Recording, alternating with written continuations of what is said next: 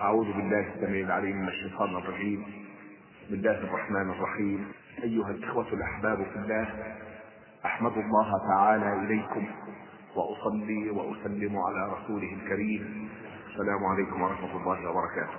وبعد أيها الأحباب فنعلم جميعا أن القرآن الكريم هو في الأصل كتاب هداية. كتاب نزل هداية للبشرية في القضايا التي لا يستطيع الإنسان أن يضع لنفسه بنفسه فيها ضوابط صحيحة. وهذه القضايا هي ركائز الدين العقيدة والعبادة والأخلاق والمعاملات. ونصف هذه القضايا وهي ركائز الدين إما غيب مطلق لا يستطيع الإنسان بحسه المحدود ولا بقدرات عقله المحدودة أن يصل فيها إلى تصور صحيح مهما اجتهد. ونصفها الآخر ضوابط للسلوك الإنساني والإنسان دوما عاجز عن أن يضع لنفسه بنفسه ضوابط للسلوك.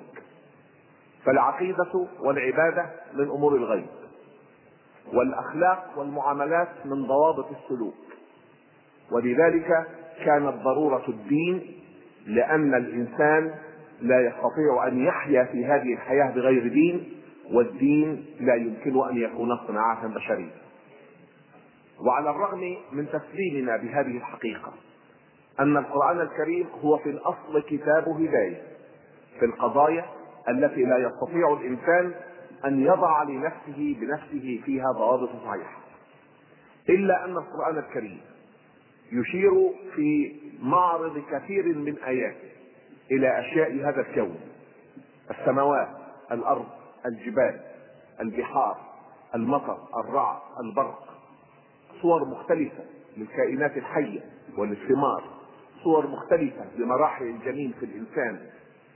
وتأتي هذه الآيات لا في مقام الإخبار العلمي المباشر لأننا نعلم أن العلم له طبيعة تراكمية.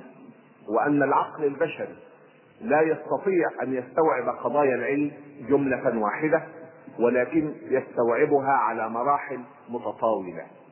ولكن هذه الآيات التي تشير إلى الكون ومكوناته تأتي كلها في مقام الاستدلال على القدرة الإلهية المبدعة. قدرة الله الذي أبدع هذا الكون بعلمه وحكمته والذي تنطق كل جزئية من جزئياته بوحدانية ذلك الخالق العظيم وبعلمه وحكمته وقدرته. تأتي في مقام الاستدلال على هذه القدرة على أن الله تعالى الذي أبدع هذا الكون قادر على إثنائه وقادر على خلقه وإنشائه من جديد. ومن هذه الآيات تلك الآية الكريمة التي اختيرت عنوانا لمحاضرة الليلة وفي الأرض آيات للموقنين والأرض في القرآن الكريم بمعان ثلاث. إذا جاءت الأرض بمقابلة السماء أو بمقابلة الشمس أو القمر أو النجوم أو غير ذلك من أجرام السماء كانت الكوكب ككل. وإذا جاءت الأرض غير مقابلة فهي إما هذا الغلاف الصخري الذي نحيا عليه والذي يشكل مادة في القارات أو التربة التي تنبت لنا تلك النباتات. وعلى القارئ أن يتفهم ذلك باستقرائه للآية وللدلالات المختلفة المرتبطة بها. وعلى ذلك ففي كل من هذه الدلالات الثلاث الأرض ككوكب الأرض كغلاف صخري يحيا عليه الناس والأرض كتربه تنبت النبات. في كل من ذلك آيات لا تنتهي. ولا يستطيع الإنسان أن يحصيها في ليلة كهذه ولا في جيل من الأجيال. ولكننا سنحاول قدر الاستطاعه أن نشير إلى بعض آيات الله في إبداع الأرض. بأبعادها الثلاثة الكوكب الغلاف الصخري التربة التي تكسو ذلك الغلاف. وقبل أن أدخل في هذه القضية بودي أن أؤكد على أن هذه اللفظة الربانية وفي الأرض آيات للموقنين تعني أنه لا يدرك تلك الآيات إلا الذين اطمأنت قلوبهم بالإيمان بالله الذين آمنوا بأن هذا الكون الذي نحيا فيه لا يمكن أن يكون قد اوجد نفسه بنفسه ولا يمكن أن يكون قد وجد محض الصدفة بل لا بد له من موجب عظيم له من العلم وله من القدرة وله من الحكمة ما مكنه من إبداع هذا الكون. ولذلك فقضية الإيمان هنا ضرورية لاستشفاف هذه الآيات التي يتحدث عنها القرآن الكريم في مواضع كثيرة ونخص بها هذه الآية الكريمة. فليس كل إنسان اشتغل بدراسة الكون أو بدراسة الأرض يرى هذه الآيات إن لم يكن قد تزود بهذا اليقين الإيمان بالله الإيمان بالغيب وإن لم يكن قد تزود بقدر هائل من الموضوعية والحيبة في معالجته لهذه القضايا وفي النظر إلى الكون وما فيه. فأنا دائما أقول لإخواني وأحبابي من أمثالكم أنه لا يكفي لنا في معاهد التعليم أن نخبر الناس بأن الكون الذي نحيا فيه شاسع الاتساع دقيق البناء محكم الحركة منضبط في كل أمر من اموره إذا لم يوصلنا ذلك إلى استنتاج أبعد من هذه الرؤى السطحية على أهميتها أصبح علمنا علما جامدا لا يصل بنا إلى الحكمة المطلوبة من التعرف على هذا الجانب من جوانب المعرفة الإنسانية. ولذلك من مآسي هذا العصر أن العلم أصبح معزولا عن الحكمة والعلم إذا لم يؤدي إلى الحكمة إلى فهم الأسرار الكونية هذه وما وراء هذه الظواهر الكونية إذا لم يؤدي إلى ذلك أصبح علما جافا حتى لو أمكن الناس من عمارة الأرض ومن استثمار خيراتها إذا عزل الإنسان عن الحكمه أصبح علما ناقصا. فالعلم لا بد أن يصل الإنسان بخالقه فاعلم أنه لا إله إلا الله. والقرآن الكريم يحدثنا في مواضع كثيرة عن أن آه، كثير من الناس يمرون عن هذه الآيات ولا يدركونها. مهما وصلوا في علمهم المادي من آه، تفوق الكريم يقول في سورة يوسف بسم الله الرحمن الرحيم وكأي من آية في السماوات والأرض يمرون عليها وهم عنها معرضون. يعرض الناس عن أن يروا الحكمة من وراء هذه الآيات. ولكن الموقنين بالله المؤمنين بالغيب المرتبطين بخالق السماوات والأرض حينما ينظرون إلى هذا الخلق يرون من ورائه شهادة بوجود هذا الخالق العظيم شهادة بعلمه وبحكمته وبقدرته وبحسن تدبيره فيزيدهم ذلك إيمانا على إيمان. ومن هنا قال أحد إخواننا الذين كتبوا في هذا المجال بإفاضة دكتور الغمراوي عليه رحمة الله وكان عميدا لكلية الصيدلة في جامعة الملك سعود الرياض يقول أن الكون هو النافذة التي ينظر منها الإنسان فيرى بديع صنع الله.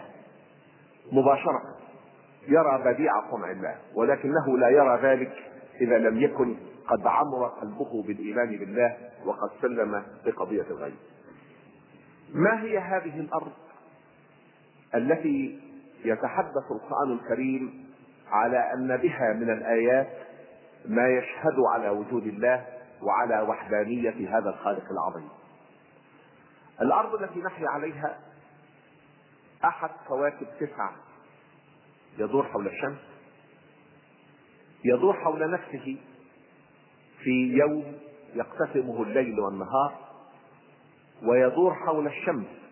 سرعة تقدر بحوالي 30 كيلومتر في الثانية.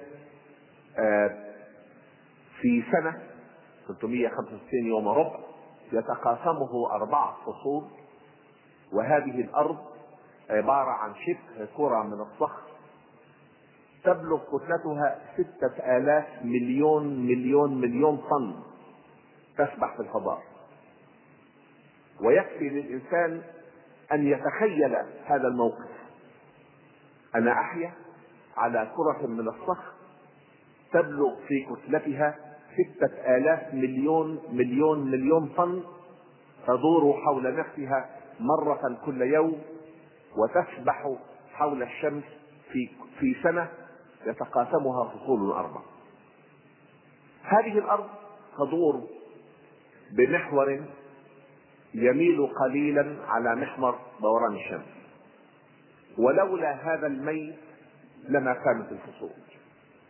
ولولا هذا الميل لأصبح القطبان في ظلام دامس ولأصبح خط الاستواء في حرارة لا تسمح بالحياة ولا تجمدت باقي المناطق المناخية. فهذا الميل وحده آية من آيات الله لأن بواسطة هذا الميل بتقدير الله تتمايز الفصول الربيع والصيف والخريف والشتاء وتتبادل هذه الفصول في نصفي الأرض الشمالي والجنوبي.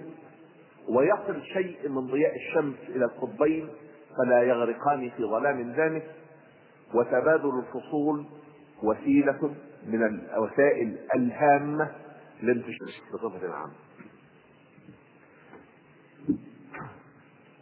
في مدار الأرض حول الشمس يتغير بعدها عن الشمس في حدود خمسة مليون كيلومتر لأنها تدور في مدار بيضاوي إهليلي له قطر طويل وقطر قصير والفارق بينهما حوالي خمسة ملايين من الكيلومترات لأن متوسط بعد الشمس بعد الأرض عن الشمس يبلغ 150 مليون كيلومتر.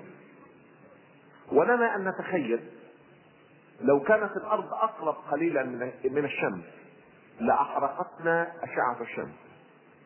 ولو كانت أبعد قليلا من الشمس لتجمدت الكائنات الحية بأكملها لو كانت كتلة الأرض أكبر من ذلك قليلا لكان جذبها للغلاف الغازي لا يسمح للحياة أن تزدهر في صورها الراقية ومن أبرزها الإنسان.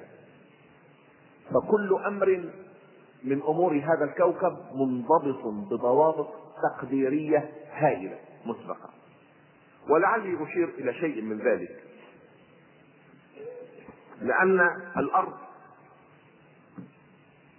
يبلغ نصف قطرها حوالي ستة آلاف وأربعمائة كيلو متر بينما أعمق بئر حفره الإنسان على سطح الأرض لم يتعدى العشرة كيلومترات. يعني عشرة كيلومترات على ستة آلاف وأربعمائة كيلومتر متوسط قطر الأرض.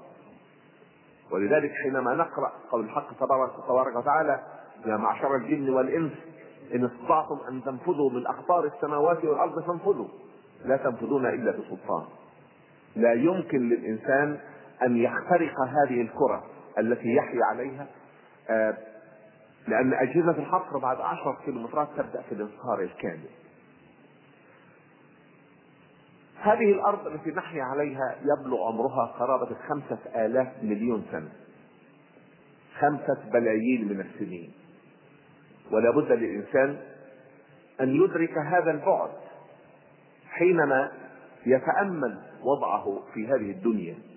الإنسان الذي يبلغ عمره في المتوسط ستين سنة يحيا على أرض يبلغ عمرها خمسة آلاف مليون سنة. ويتعجب الناس لماذا خلق ربنا هذا الخلق؟ على هذه المراحل المتطاولة وهو القادر على أن يقول للشيء كن فيكون وهو الذي يحتوي الزمان والمكان بين إرادته بين إرادته. نقول أن هذا الخلق تم على مراحل متدرجة حتى يستطيع الإنسان بقدرات عقله المحدودة وقدرات حسه المحدودة أن يتفهم سنن الله في الخلق فيوظفها في عمارة الحياة وفي القيام بواجب الاستهلاك في الأرض. نعلم أيضا أن الأرض هذه تتكون من عدد من النطق. ليست كرة مصمطة بالكامل ولكنها مكونة من عدد من النطق هذه الأرض الصخرية التي نحيا عليها لها غلاف صخري يسمى ظاهره بقشرة الأرض القشرة الأرضية. والقشرة الأرضية يتراوح سمكها تحت آه، البحار والمحيطات بين خمسة وثمان كيلومترات. وتتكون من مواد ثقيلة نسبيا ومن هنا كانت هذه الضآلة في السمك ويزداد سمك القشرة الأرضية فوق القارات إلى أن يصل إلى سبعين كيلومتر تحت الجبال. وهو في المتوسط بين 35 و 40 كيلومتر. وتتكون مادة القارات من مادة أخف من مادة قيعان البحار والمحيطات. ويكون هذه الكتلة التي يبلغ سمكها 70 كيلو مترا تحت الجبال و35 إلى 40 كيلو متر في المتوسط مادة القارات تساوي في كتلتها تماما هذه الخمسة إلى ثمان كيلومترات التي تكون قيعان البحار والمحيطات. هذه القشرة كان في تكونها معجزة من المعجزات سأعرض لها بعد قليل ولكن يكفي أن أشير إلى أنها تحمي الإنسان والكائنات الحية الأخرى فوق هذا الكوكب من جهنم. مستعرة تحت هذه القشرة صخور منصهرة حمم منصهر في درجات حرارة تتعدى الألف درجة مئوية نراها أحيانا تنبثق عبر فوهات البراكين. تحمي الحياة فوق سطح هذا الكوكب من هذه النيران المتأججة والتي يلعب الدور الأساسي في تأجيجها المواد المشعة التي تشع بطريقة مستمرة فتؤدي إلى رفع درجات الحرارة. هذه القشرة يليها مباشرة ما يسمى بوشاح الأرض. وتنفصل عن الوشاح الأرضي بفواصل محددة واضحة. يستطيع الإنسان أن يستقرئها باستقبال موجات الزلازل هذه القشرة الأرضية تحتها طبقة أخرى صلبة هي الجزء العلوي من الوشاح وتكون مع قشرة الأرض ما يسمى بالغلاف الصخري للأرض. ويبلغ متوسط سمك هذا الغلاف بين 70 كيلو مترا و150 كيلو مترا هو 70 كيلو مترا تحت البحار والمحيطات و150 كيلو مترا تحت القارات. هذا هو الإطار الصخري للأرض والذي يلعب دورا هاما جدا في آه، تجديد الثروات الأرضية وفي تكوين السلاسل الجبلية وفي تلقي الصدمات الزلزالية وفي انبثاق الثورات البركانية كما سأوضح لكم بعد قليل. يلي هذا الغلاف الصخري للأرض طبقة شبه منصهرة مائعة تسمى طبقة الضعف الأرضي. يبلغ سمكها إلى عمق 650 كيلو متر من سطح الأرض تقريبا. يبلغ سمكها حوالي 200 200 إلى 250 كيلو متر وهي أيضا لها دور مهم للغاية لأن الغلاف الصخري الأرض هذا يتحرك فوقها. حركة مستمرة دائمة ليست مستقرة. هذه الطبقة هي التي تنبثق منها الثورات البركانية. وتتحرك من خلالها الحمم البركانية لتثري الطبقات العليا من الأرض بكثير من الخيرات التي يمن الله سبحانه وتعالى بها على الإنسان. يلي هذه الطبقة مباشرة آه، جزءان من الوشاح الوشاح الأوسط والوشاح الداخلي وسمك الوشاح حوالي 2900 كيلومتر والوشاح يوجد في درجات حرارة عالية من 2000 إلى 3000 درجة مئوية تقريبا إلى 4000 درجة مئوية في أجزاء السفلى ويتعرض لضغوط آه، عالية جدا تجعل المواد الكيميائية آه، تتشابك في مركبات شديدة التماسك شديدة الانضغاط. وفي صور قد لا نعرفها على سطح الأرض ولكن يستقرئها العلماء من تلقي الهزات الأرضية ومن التجارب في المختبرات على مثل هذه المركبات التي توضع تحت ضغوط مرتفعة نسبيا.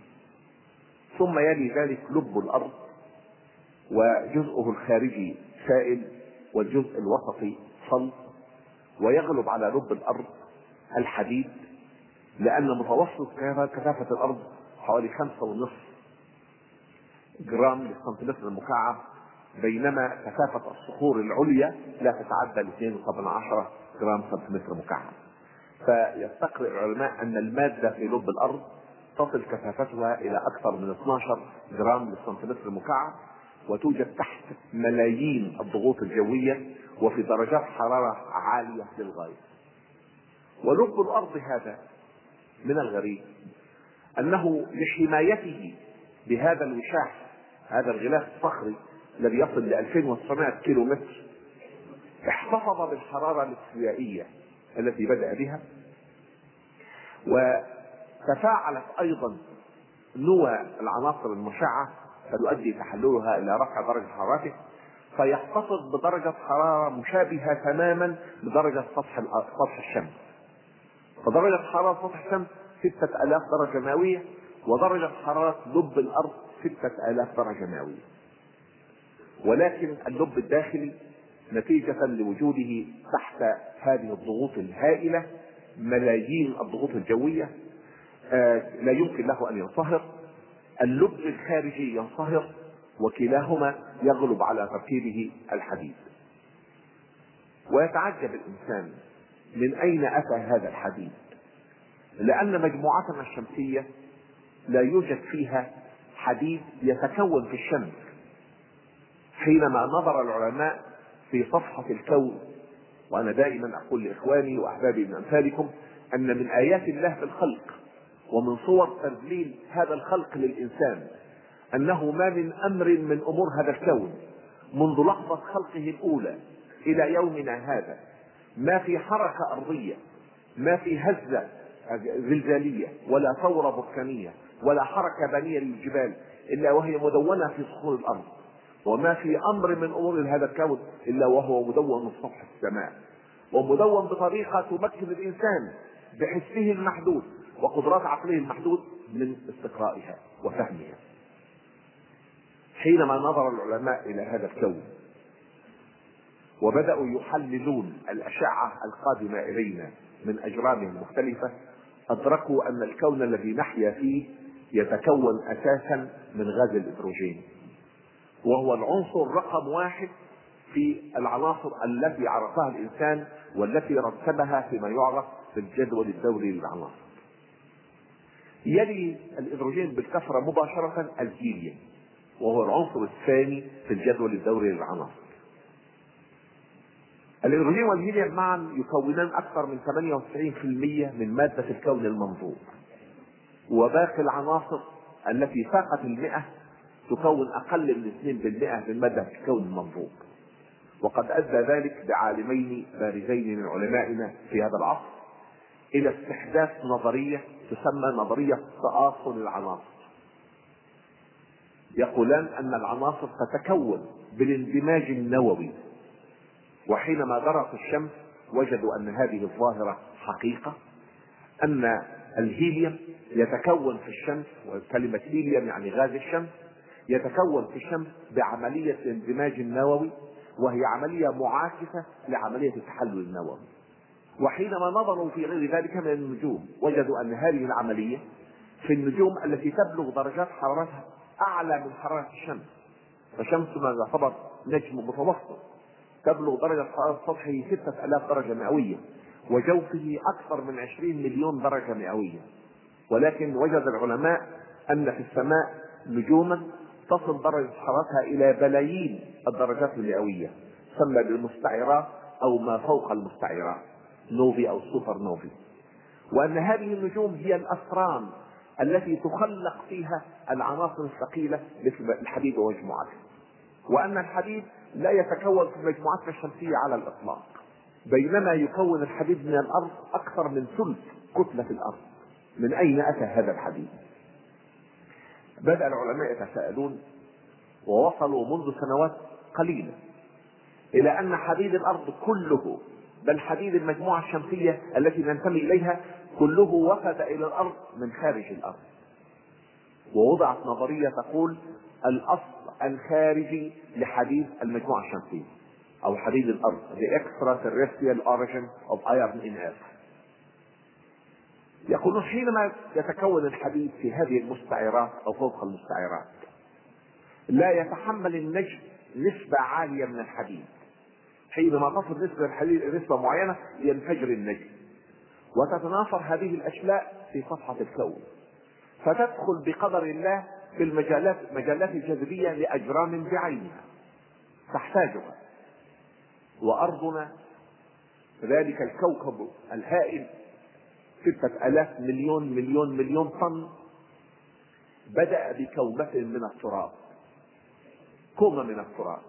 لم يكن فيها من الحديد أثر. لم يكن فيها أثر من الحديد إطلاقا. ثم بدأ يتساقط عليها الحديد من نوافذ انفجار هذه المستعرات وفوق المستعرات بكميات كبيرة. دخلت في نطاق الجاذبية جاذبية الكوكب الفجائي هذا والحديد بكثافته العالية استقر في لب الأرض وانصهر بحرارة الاستقرار بالإضافة إلى الحرارة التي أتى بها من الكون بالإضافة إلى التفاعلات النووية في داخل الأرض. وحينما انصهر تمايزت الأرض إلى هذه النطق السبع التي قد تكون ما يقصد بالأرضين السبع.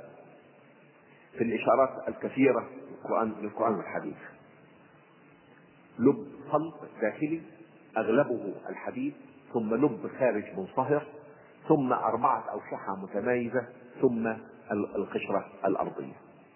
هذه الأراضين السبع كما أفهمها وليست الأراضين السبع بكواكب سبع موجودة في صفحة السماء لأن السماء بها من الخلق ما لا يستطيع الإنسان أن يحصيه بلايين البلايين من الأجرام ويعجب لماذا تكون هناك أراضين سبع فقط ولكن الإشارات القرآنية والأحاديث النبوية الكثيرة تؤكد على أن الأرضين سبع كلها في هذه الأرض. يشير إلى ذلك قول المصطفى صلى الله عليه وسلم من اغتصب شبرا من الأرض طوقه يوم القيامة من سبع أراضين. ويؤكده أيضا قول الحق تبارك وتعالى الذي خلق سبع سماوات طباقا. أي متطابقة يغلف الخارج منها الداخل. ويقول في آية أخرى ومن الأرض مثلهن. فكان أن السماوات سبع متطابقة يغلف الخارج منها الداخل فكذلك الأراضين السبع متطابقة يغلف الخارج منها الداخل.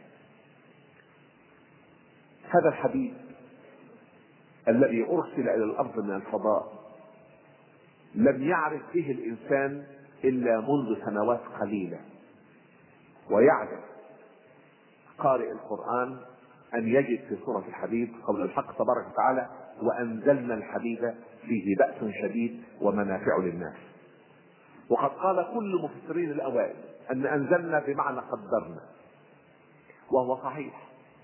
وما كان أحد يتخيل أنه إنزال فعلي مادي ملموس أن حديد الأرض الذي يشكل أكثر من ثلث كتلة الأرض أتى كله من خارج الأرض بل من خارج المجموعة الشمسية هذه النطق كل نطاق منها يلعب دورا هاما للغاية. فلولا تمركز كتلة الأرض في لبها. ما أمكن الأرض أن تجتذب غلافا غازيا. ولو لم يكن هناك غلاف غازي ما استقامت الحياة على سطح الأرض.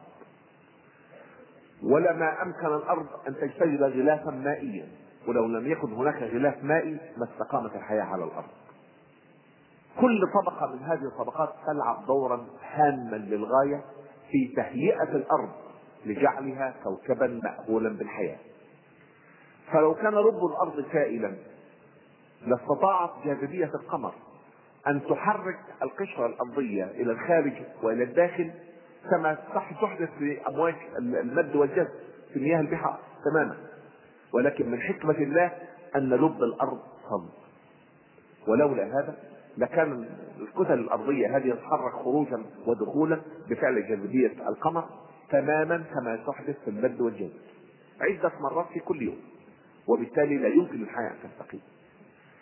لو لم يكن اللب الخارجي للأرض سائلا ما تكون المجال المغناطيسي للأرض الذي يلعب دورا هاما في تهيئتها لاستقبال الحياة. وهكذا لو لم يكن الطبقة العلوى من الوشاح شبه منصهرة لما تكونت السلاسل الجبلية ولا أصبح سطح الأرض مسطحا في مستوى واحد ما أمكن إطلاقا أن يشكل سطح الأرض في جبال ومنخفضات وسهول وديان وهضاب وبالتالي لم تكن هناك بحار ولم تكن هناك يابسة ولم يكن هناك حياة.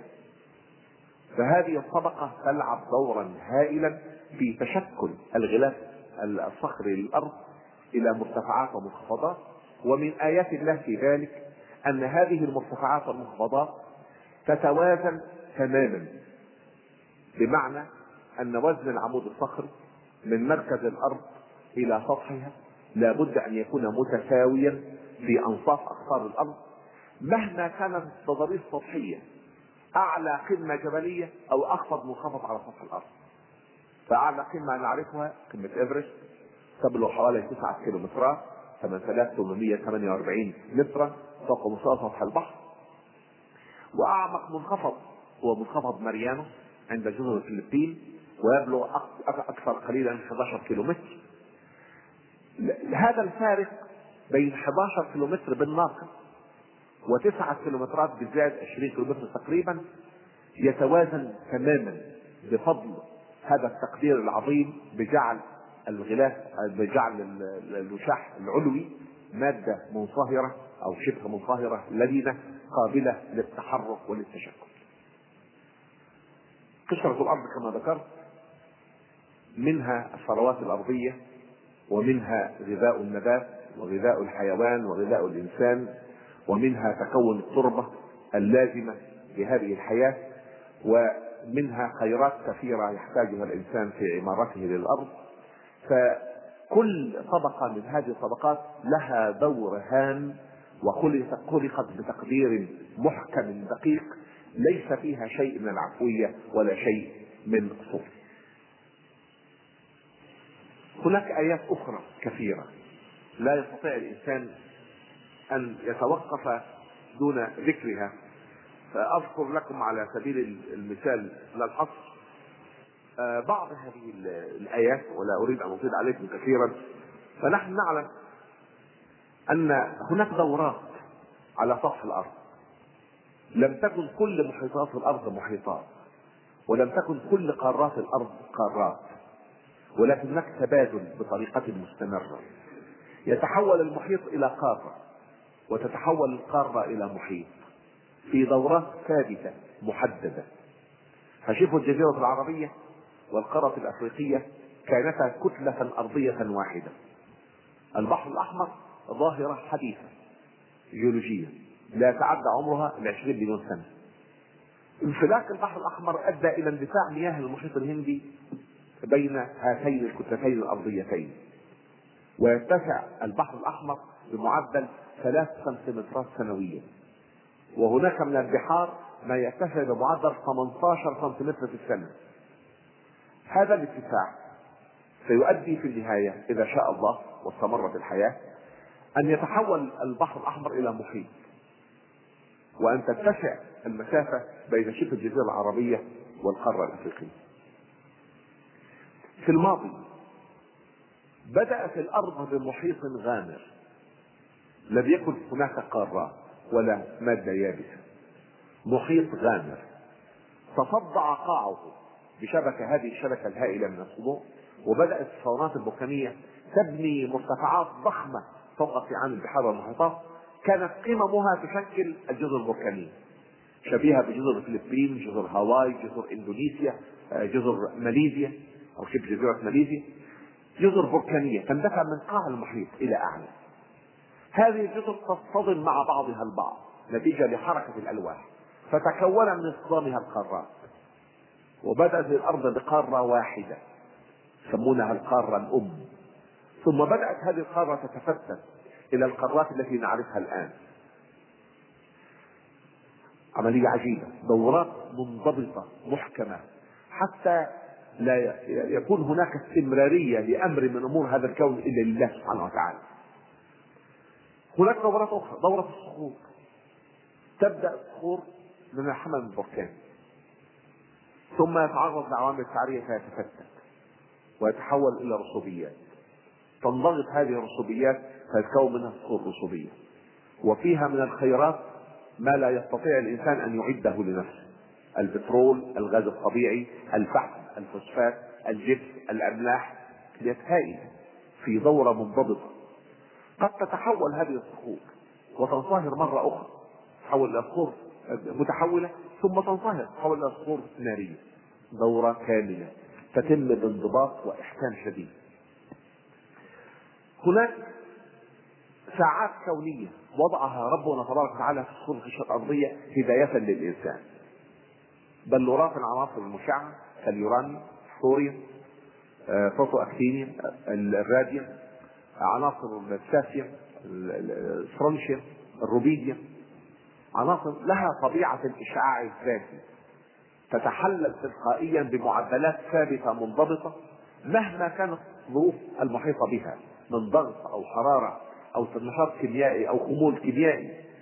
ساعات كونية وضعها لنا ربنا تبارك وتعالى في صخور الخشب الأرضية. هذه الساعات الكونية يستخدمها الإنسان بدقة بالغة في تحديد أعمار الصخور وفي تحديد أعمار الأحداث الأرضية الكبرى التي حدثت في تاريخ هذه الأرض. هناك من الأمور العجيبة أن خطوط النمو في أجساد الكائنات في العمود الفقري للحيوانات ذات الفقار في الأصداف للكائنات ذات الأصلاف الحلقات السنوية في جذوع النباتات وفروعها يسجل فيها بدقة بالغة أحداث الأرض. كان الناس يتصورون في الماضي أن هذه الحلقات في جذوع النباتات التي سموها بالحلقات السنوية أنها تعبر عن السنين فقط. مع تطور وسائل التكبير لاحظ العلماء فيها الفصول الربيع والصيف والخريف والشتاء ثم الشهور الشهور القمرية كاملة ثم الأسابيع دورة القمر ال ال ال الميلاد القمر والتربيع الأول والبدر والتربيع الثاني والمحاق. مسجلة بدقة بالغة ثم الأيام. وقد أدرك العلماء من هذه الدراسة الشيقة الأيام مسجلة في أصداف الحيوانات وفي الهياكل العظمية للحيوانات وفي جذوع النباتات وفروعها فبدأوا يدرسون كم كان عدد الأيام في الأزمنة السابقة. فأدرك العلماء أن هناك تباطؤ في سرعة دوران الأرض حول محورها مع الزمن. وأن السرعة هذه كانت في القديم أعلى بكثير مما هي عليه الآن. وهذا التباطؤ من رحمة الله سبحانه وتعالى. لأن لولا هذا التباطؤ ما استقامت الحياة على سطح الأرض. أدرك العلماء أن في الأزمنة القديمة كان عدد الأيام في السنة أكبر بكثير من الآن.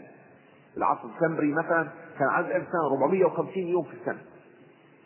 عند بدء الخلق تأكد لنا بأدلة علمية قاطعة أن طول الليل والنهار معا كان لا يزيد عن أربع ساعات.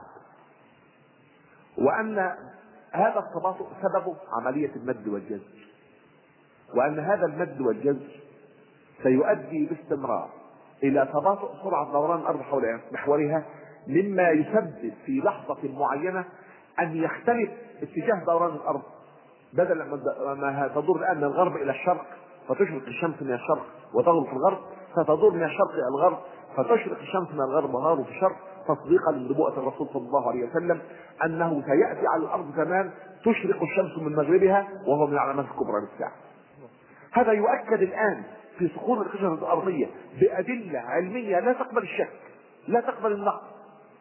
بدقة بالغة من الذي سجل كل ذلك في صخور الخشب الأرضية؟ في هياكل الكائنات. وفي أصداف الحيوانات وفي الهياكل العظمية للحيوانات وفي جذوع النباتات وفي فروعها.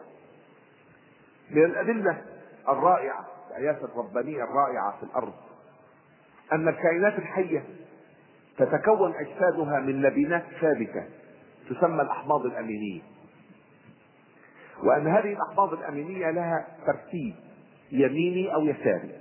ترتب الذرات في الجزيء ترتيبا يمينيا أو ترتيبا يساريا. وفي أجساد كل الكائنات الحية تترتب هذه الذرات ترتيبا يساريا. فإذا مات الكائن الحي عاودت الترتيب إلى إلى الترتيب اليميني. بنسب ثابتة يستطيع الإنسان أن يستخدمها في تحديد منذ متى مات هذا الكائن الكائن الذي كان حيا. ويوجد ذلك لحظة منية في أجساد الكائنات البالية في عظامها في هياكلها في جذوع النباتات ويستخدمون ذلك بدقة بالغة. ويعجبون بعد أن مات الكائن الحي وتوقفت حياته ما الذي يجعل هذه الجزيئات تعيد الترتيب؟ من الترتيب اليساري إلى الترتيب اليميني ويسمى ذلك بعملية إعادة ترتيب الأحماض الأمينية.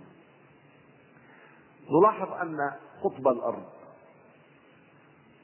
القطبين المناصين للأرض يتحركان بطريقة مستمرة. الأرض لها قطبين حقيقيين أو جغرافيين اللي هو اتجاه الشمال جنوب وهو عمودي على اتجاه شروق الشمس وغروبها.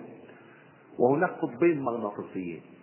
ونجد باستمرار هناك زاوية تسمى زاوية الانحراف المغناطيسي الزاوية بين القطب الحقيقي للأرض أو الجغرافي للأرض والقطب المغناطيسي القطب المغناطيسي يحدده البوصلة والقطب الجغرافي يحدده اتجاه شروق الشمس وغروبها. من الغريب أن خط جرينتش يبلغ زاوية الانحراف المغناطيسي عنده أكثر من 23 درجة آه، درجة.